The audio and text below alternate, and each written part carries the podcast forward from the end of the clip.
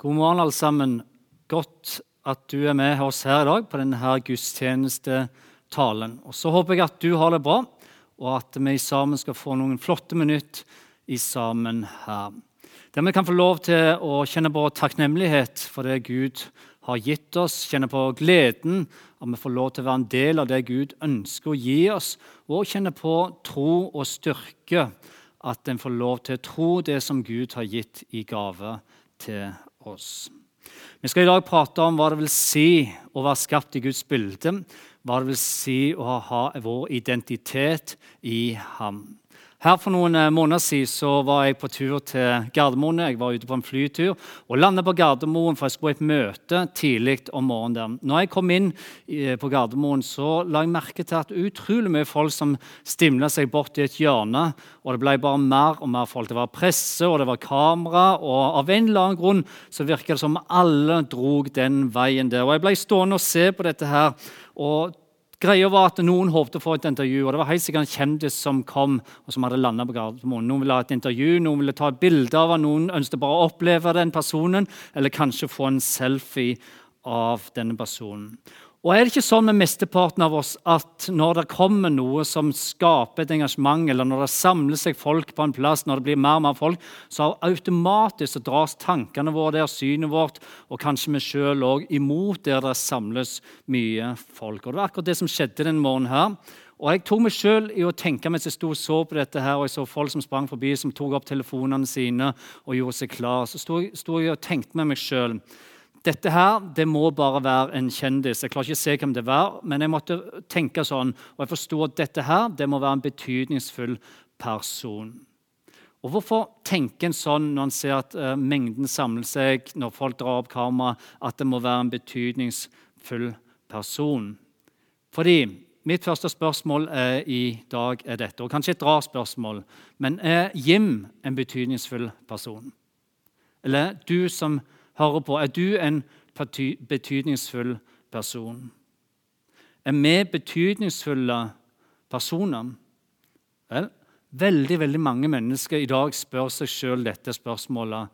Har jeg betydning? Er jeg betydningsfull? Er jeg en betydningsfull person? Har jeg betydning? Fordi det en lett kan føle, er at en er alt annet enn betydningsfull i dag.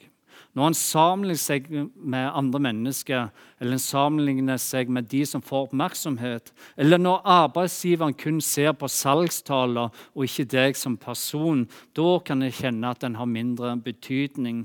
Eller når kjæresten behandler deg som om du skulle være luft, eller når en tidligere nær relasjon brytes, og du ikke er med i relasjon lenger, da kan en kjenne seg mindre betydningsfull. Eller når alderdommen kommer og han fratar deg verdigheten din. Eller når lederen vår bare ønsker et produkt, mens vi ønsker å bli sett. Eller når han tenker at vår verdi bare speiles i det vi får til sjøl, eller det vi klarer å skape. Da kan en få kjenne og føle på at han ikke er så betydningsfull lenger. Og Hvorfor er det sånn? Jo, Det skal vi se på nå i dag. For I 1. Mosebok 1,26 kan vi lese om Gud i det Gud skaper, og han former oss mennesker. Og det står dette her. Gud sa, 'La oss lage mennesker i vårt bilde, så de ligner oss', står det. Så det er ikke hvorfor som har bilde Gud skapte oss i, den enkelte av oss. Nei, Gud skapte sitt bilde, og så sa han at den personen, du og meg, skal ligne på Gud. Og Så står det videre dette her om oss. De skal råde over fiskene i havet og fuglene under himmelen, over fe, over alle ville dyr og all krypet som kryr på, av på jorda. Og Hva er greia med dette? her? Jo, det er at Når Bibelen forklarer hvem vi er, og begynner å snakke om hvem vi er som identitet Helt på de første sidene så sier Bibelen vårt at vi er skapt i Guds bilde. Fordi Gud sa ikke dette. La oss skape fjellene i vårt bilde. Han sa heller ikke la oss skape dyra i vårt bilde. Han sa at fuglene skal ikke skapes i vårt bilde. Han sa ikke noe om det. Men det han sier, er dette her, at himmelen og alt skapervær det er der for å gi Gud ære. Men det er kun én skapning som er skapt i Guds bilde, og det er du, og det er meg. Vi er de eneste som kan ta med oss og vite gjennom hele livet av alt som er skapt, så er det kun vi som mennesker som er skapt i Guds bilde. Men hva betyr i groen det å være skapt i Guds bilde? Jo, Det nye testamentet det beskriver at Gud er en Gud som lengter etter relasjon med den enkelte av oss. Gud er en Gud som lengter etter at vi som mennesker skal få lov til å erfare og se hvem vi virkelig er. Så Det nye testamentet skriver mye om, er at Gud ønsker å ha fellesskap med den enkelte av oss. Og Måten vi kan få det fellesskapet, er ved at vi ber til ham, at vi leser Hans ord, at vi søker Han Kanskje først av alt, for da skal vi virkelig få se hvem Gud er. Så Det Nye testen viser oss videre. dette her. Når vi gjør det, når vi søker når vi ber til han, vi leser, når vi søker hans ansikt, så skjer det noe vidunderlig på innsida av hver eneste ende av oss. Fordi når vi gjør det, så viser Bibelen og Nye testamentet at da vokser Gud seg fram i oss. Gud og den som han er, den vokser inni oss. Plutselig så sier vi ting som Jesus ville ha sagt. Og Plutselig så håndterer vi situasjoner sånn som Jesus ville håndtert dem. Vi gjør ting som Jesus ville ha gjort. Vi begynner å velge å tilgi istedenfor å holde ting tilbake. Vi begynner å dele med andre istedenfor å tenke at alle velsignelser handler bare om oss. Vi gir det videre. Vi elsker andre mennesker fordi Jesus ville ha gjort det, fordi Gud og hans speilbilde former den enkelte av oss. Vi søker ikke lenger vårt eget, men søker vår nestes beste fordi Gud bor inni oss. Han vokser inni oss. Speilbildet av Gud forvandler oss. Og Det er derfor Paulus som en apostel han skriver det slik som dette her i 2. Korinterbrev og vi. Og han snakker om oss som uten slør for ansiktet. Hvem er det vi ser? Vi ser Herrens herlighet som i et speil. Så når vi bruker tid sammen med Gud, når vi ber, når vi leser eller går i naturen, bare for å søke Guds ansikt, så blir slør tatt vei, og vi ser det som et speil. Altså Ansiktet Gud former hvem vi tenker om oss sjøl. Vi blir alle forvandla til dette bildet som vi ser, nemlig Gud, fra herlighet til herlighet. Og dette skjer ved Herrens ånd, som virker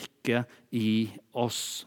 Så når populære bloggere, da, avisartikler, forbilder, idolene eller de religiøse lederne som faktisk lyver, som sier at din verdi handler om hvor åndelig du er, eller hvor åndelig du klarer å gjøre ting, eller hvordan mange venner eller følgere du har, eller hvor vellykket du er i livet, eller hvor mye du har fått til Når folk sier sånn som det inn i våre liv, og vi leser, da må vi huske på og aldri glemme at når Bibelen viser oss vår verdi, så snakker den aldri om våre prestasjoner, hva vi har fått til, hva vi har gjort eller ikke har gjort. Når Bibelen snakker om vår verdi, så viser den oss at min og din verdi, vår betydning, ene og alene er pga. at vi er skapt i hans bilde. Vår referent er at vi er skapt i Guds bilde. og Dermed så er utgangspunktet, hele utgangspunktet er at vi er hans barn. Din verdi har du allerede nedlagt i deg før du kom til denne jorda. Før noe mennesker tenkte på deg, så tenkte Gud på deg. Du er skapt i hans bilde. Og Det er i dette speilbildet, kun i dette speilbildet, når vi speiler oss i Han, at vi virkelig forstår hva vår sanne verdi er. At vi forstår hvor betydningsfulle vi er, den enkelte av oss som mennesker. Hvilken verdi vi har.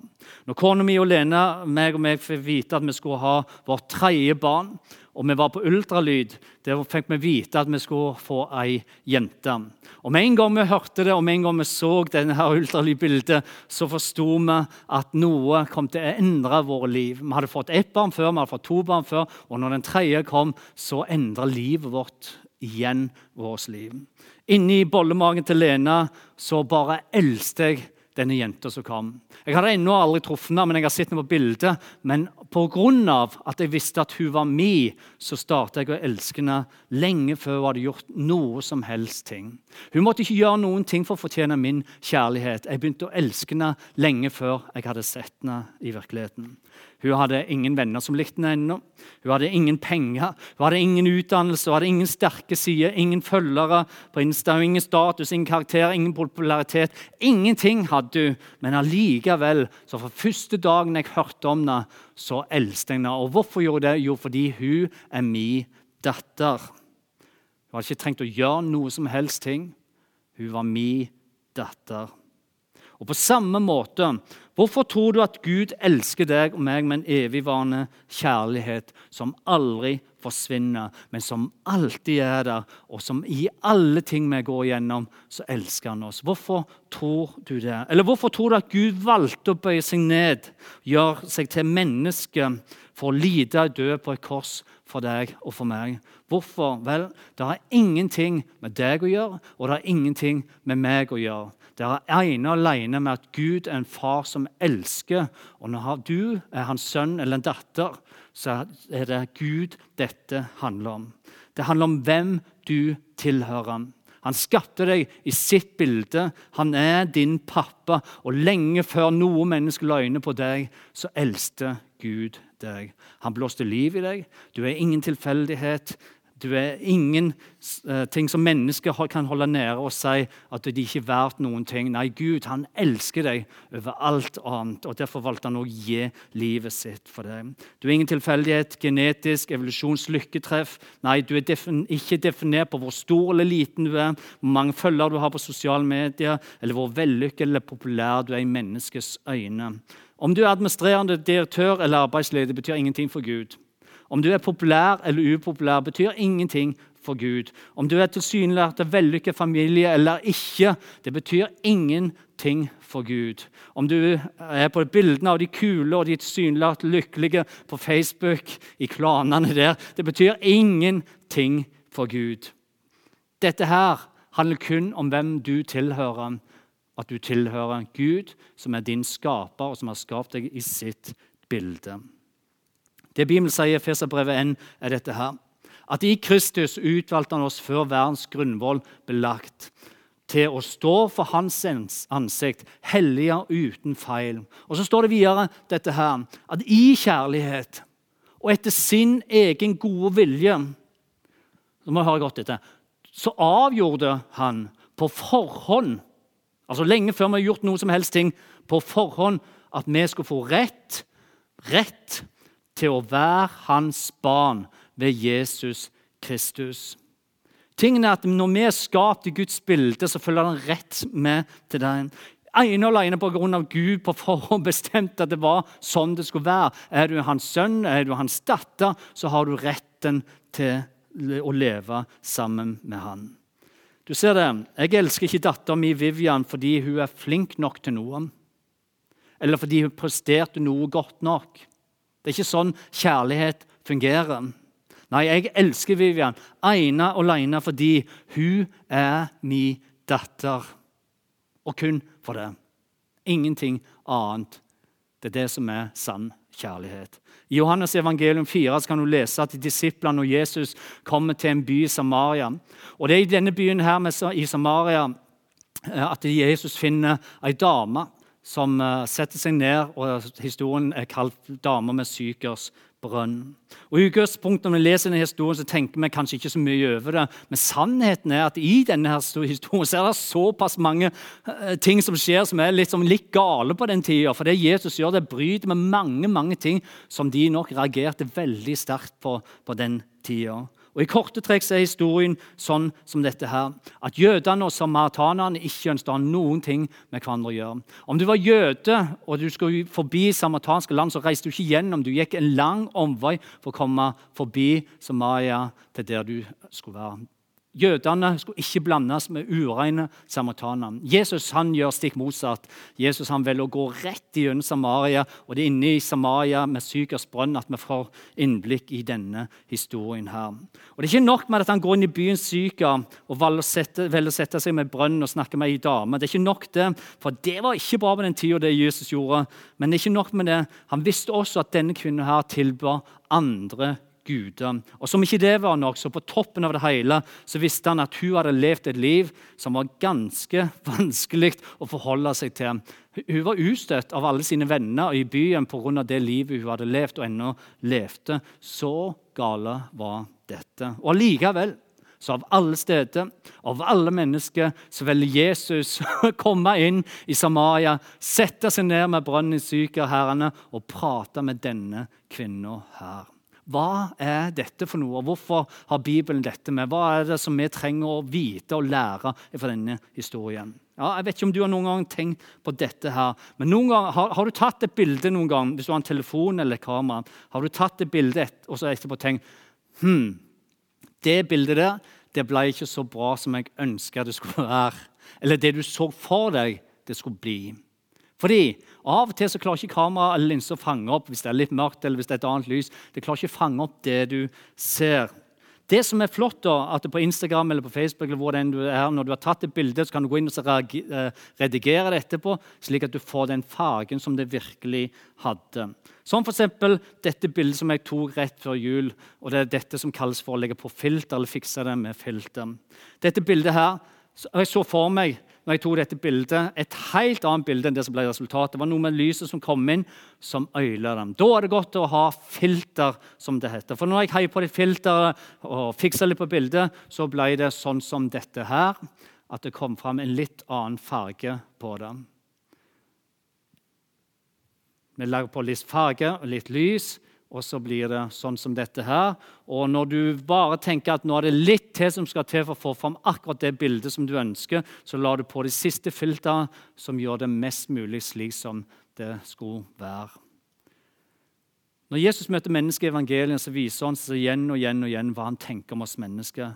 Uansett hvor vi kommer fra, eller hvem vi har vært borti, så møter han oss med noen slike filter. Ikke for å gjøre et bilde falskt. Ikke for å ta bort det som er sant, nei, men faktisk putte på plass det som er sant om oss. Og Jesus han har to slike filter, også med denne dama som han møter, også med du og med meg som han møter hver eneste dag. To filter. Ikke kamerafilter, men vår identitetsfilter. Hans fars kjærlighetsfilter. Og Det er også disse to filtrene han velger å møte denne kvinnen med den dagen. med brønnen. Nummer én ja, han vet at hun er en samaritansk kvinne. Det er ikke bra i det hele tatt for en jøde. Nummer to ja, han vet at hun tilbør hedenske guder, så det er ikke bra. Og nummer tre han vet at hun har levd et liv som til og med hennes beste venner har snudd ryggen til. for Det er ikke bra, dette Jesus. Og nummer fire han vet hva alle tenker om han som setter seg ned med henne den dagen der. Det er ikke bra, dette her, Jesus. Men det virker som Jesus overhodet ikke bryr seg om det i det hele tatt. Hva andre mennesker måtte tenke. For det han gjør, istedenfor å lytte til alle andre mennesker, han vil se denne kvinnen gjennom disse to filtrene, som begge beskriver hennes sanne bilde, hennes sanne identitet. Og Det første filteret som han ser henne gjennom, heter Gud elsker deg. Han skapte deg i sitt bilde. Ja, han elsker deg. Du er hans datter. Han speider etter deg hver eneste dag, og han ønsker bare det beste for ditt liv. Det er også dette som gjør at Jesus velger å se henne gjennom det andre filteret, som sier at en dag så skal jeg dø for deg. Jeg skal dø for deg. Fordi du er mitt sentrum. Du er den ene for meg. Du er verdifull. Du er mitt barn, og bare derfor, på grunn av at du er skapt i mitt bilde, og du er min, så elsker jeg deg på tross av alt. Hvem du er, og hvem du tilhører, det har alt å si her. Tingen er den at vi alle formes av oppveksten vår. Vi har alle mennesker rundt oss som har påvirket oss eh, både godt og dårlig. De har fort oss med opplevelser, oppfatninger, tanker og bilder av hvem vi er. Og Det første vi møter i dette, her er foreldrene våre. Det sies at ca. 80% av vår personlighet faktisk preges og dannes før vi er seks år gamle. De viktigste personene de første åra er foreldre eller andre voksne, lærere møter, ledere i barnehage og etter hvert skole. De skaper bilder, et speilbilde som former den en tenker er. Vi møter de videre i barnekirka eller her i menigheten under barne- og ungdomsarbeid. Vi møter de i idrettslag, i fritidsaktiviteter. Og Det kan være gode og positive hendelser, men det kan også være negative og dårlige opplevelser. For det skjer dessverre også. Og jeg vet ikke hvor mange ganger jeg har tenkt de siste åra hvor vanskelig det må være for de som er unge nå i dag. Hvor vanskelig det er for de å finne sin sanne identitet. For hvor ofte utsettes ikke de for et usant bilde på media? Hver eneste dag kan de finne noe som ikke er sant om deg sjøl. På sosiale medier, gjennom blogger, på chatter, hos forbilder og idoler som de har. Det er ord og det bildet som ikke er sanne, men som allikevel skaper usikkerhet. Det er ord og bilde som skaper mindreverdighetskomplekser og bedrag i våre liv. Det er ord som gjør vondt å lese og høre, som er vondt og som kan kjennes langt ned i magen, og som blir liggende der og vokser innvendig. Ord og bilder som har evnen til skyggelege og stjele vår sanne identitet og det Gud sier om den enkelte av oss. For er jeg stygg, eller er jeg pen? Er jeg god nok, eller er jeg virkelig en fallitt, som de sier? Er jeg ønska, eller er jeg uønska? Er jeg den som han ber meg om å være, eller er jeg en annen person? Skal jeg sende bildene som han ber om, eller skal jeg la være? Er jeg dum, eller er jeg trygg? Er jeg populær, eller er jeg upopulær nå i dag? Eller slik som det har svirra på nettet i den siste tida, der en velger å sette opp et bilde av en venn eller klassevenn, og så gir en karakter på bildet. Noen får 10% andre får 60% og noen får 100 Hvem er jeg? Som barn hva tenker jeg da? Er jeg betydningsfull, eller betyr jeg ingenting? Og jeg bare sier det. Dette her er noe vi som menighet overhodet ikke syns noen som helst ting om. Vi kan ikke ha det sånn rundt oss. Og vi som foreldre òg bør slå ned på slående ting og lære barna våre hvordan de skal oppføre seg på nett. For spørsmålet som fort melder seg når en opplever sånne ting som dette, her, er hvem er jeg i grunnen? Hvem er jeg egentlig? Er jeg betydningsfull eller ikke? Nei, jeg fikk ikke lov til å velge mine rollemodeller for min oppvekst, og det gjorde heller ikke du. Vi valgte ikke våre foreldre. Vi valgte ikke våre ledere. Vi valgte heller ikke han eller hun på skolen som skulle ha stått opp for meg, som valgte heller å mobbe. Vi ønsker ikke harde ord, vi ønsker ikke stikkende meldingene. Vi får vondt langt ned i magen av oss. Ingen av oss ønsker det, og ingen ønsker å kjenne seg utenfor eller ensom. Men det jeg kan gjøre, og det jeg kan velge, og det du kan velge, at uh, istedenfor å ta alt dette til oss og la det bli den stemmen som styrer våre liv og leder våre liv, så kan vi velge hvem som skal være den viktigste personen, og hvem som skal være den personen som vi lytter til for våre liv. Det står i Bibelen, og det står helt i begynnelsen, at Gud skapte deg og meg i sitt bilde. Det er det denne kvinnen fra Samaria får oppleve når hun hører Jesus, og det Jesus sier om hennes liv. Og Det er det hun velger å gjøre etterpå, som jeg tenker må være forbilde for oss alle. Fordi når hun satt der, hun som var utstøtt, hun som ikke hadde verdi i det hele tatt, hun som gikk med et bøyd hode, som ikke ønsket å være sammen med noen Når hun møter Jesus, og Jesus får tale inn til henne og si hva den sanne verdien hennes er, så gjør hun noe etterpå som er til etterfølgelse for hver eneste en av oss. For det hun valgte å gjøre, var at hun løp inn i byen, og det står dette her at hun ropte ut til alle inne i byen. Kom og se. En mann som har fortalt meg alt jeg har gjort. Jesus visste hvem hun var. Han visste hva hun hadde gjort. Han visste hva hun ikke hadde gjort, og hva hun burde ha gjort. Jesus visste alt om henne, og allikevel valgte han å se henne gjennom to filter. Han skulle vel ikke være Messias, denne, som viser en sånn kjærlighet, som viser en sånn omsorg, empati og medfølelse. Som ikke kommer med døm, men som kommer med frelse.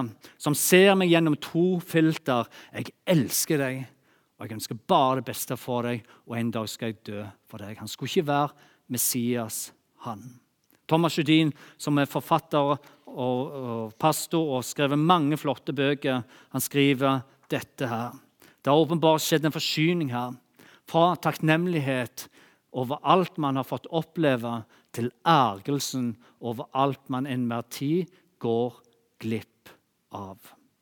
Det har åpenbart skjedd en forskyvning her fra det å være takknemlig, det å se hvem man virkelig er, og hva man har fått del i. Det har skjedd en forskyvning fra takknemligheten til ergelsen over alt man til enhver tid går glipp av.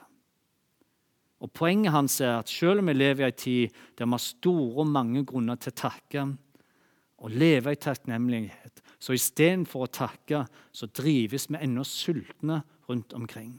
Hvem er jeg? Er jeg betydningsfull? Hvem kan fylle mitt tomrom og gi meg det jeg trenger? Hva om vi istedenfor å gjøre det, heller gjør som denne kvinnen? Istedenfor å sammenligne oss med alle andre, istedenfor å lure på om vi er betydningsfulle, istedenfor å bøye våre hender, eller løfte våre øyne og speile inn i det som er sanne ansikt for våre liv. Han sier, 'Jeg skapte deg i mitt bilde.' I Guds ansikt, med hans relasjon, så får du det sanne bildet av hvem du virkelig er. Din sanne identitet er at du er Guds barn. Og det er ingenting annet han ønsker enn å bruke tida sammen med deg. Sett deg ned med han, som denne kvinna gjorde. Bruk tid sammen med han, som denne kvinna fra Samaria gjorde. Kanskje nettopp det er det som du kan få gjøre i disse tider og i disse dager. Der du kanskje har litt bedre tid enn til vanlig. Kan vi bruke litt tid sammen med han? Om det handler om å gå i skogen, om det handler om å sette seg ned i bønn, om det handler om å lese om Han. Bruk litt tid i sammen med Gud. La hans speilbilde få forme dine tanker om deg sjøl, og vite at du kan si hver eneste dag, sjøl om alle andre stemmer skulle si til deg at du ikke er betydningsfull, at du ikke har verdi. Hos Gud så er du skapt i hans bilde. Du er betydningsfull, og det var derfor han valgte å komme ned og lide og dø, fordi han elsker deg. Det er din sanne identitet. Du kan si det hver eneste dag over ditt liv. I Jesu navn. Amen. Skal vi be sammen til slutt? Gode Far i himmelen, vi takker deg for din godhet som du møter oss med hver eneste dag. Og Selv om mennesker på den tida, fra den historien vi hørte i dag, nok var sjokka over at du valgte å sette deg ned med henne Ja, Til og med dine nærmeste lurte nok på hva du holdt på med så virker det som du ikke bryr deg om hva andre mennesker tenker. Du forholder deg alltid til det som er sant, godt og rett. Derfor du gjennom den historien viser oss, den enkelte av oss, hva vår sanne identitet. Det handler ikke om alt det vi har gjort, men det handler om hvem vi er. Og at vi som denne kvinnen kan komme til deg med hele vår liv. Også vi som tenker at vi ikke har gode nok grunner til å få lov til en relasjon med deg. God far, for den som bærer tungt, og som kjenner at jeg har gjort for mye i mitt liv, det er vel ikke håp for meg. God far. Derfor er du ikke en far som sier sånt, men du er en far som møter den enkelte med kjærlighet. Til de som strever i disse dager med viruset som herjer på, Herre, med far, vi ber, gi de styrke alle hjem, den enkelte den som er redd, far, hjelp dem å kjenne på trygghet, til å falle til ro og hvile i deg. Vi ber om det i Jesu Kristi navn. Og så takk med deg, Herre, for det du har lovt, det kommer du til å holde. Og når du har sagt at vi er skapt i ditt bilde, og du gjør det på de første sidene i Bibelen, så gjelder det hele vårt liv. I Jesu Kristi navn. Amen.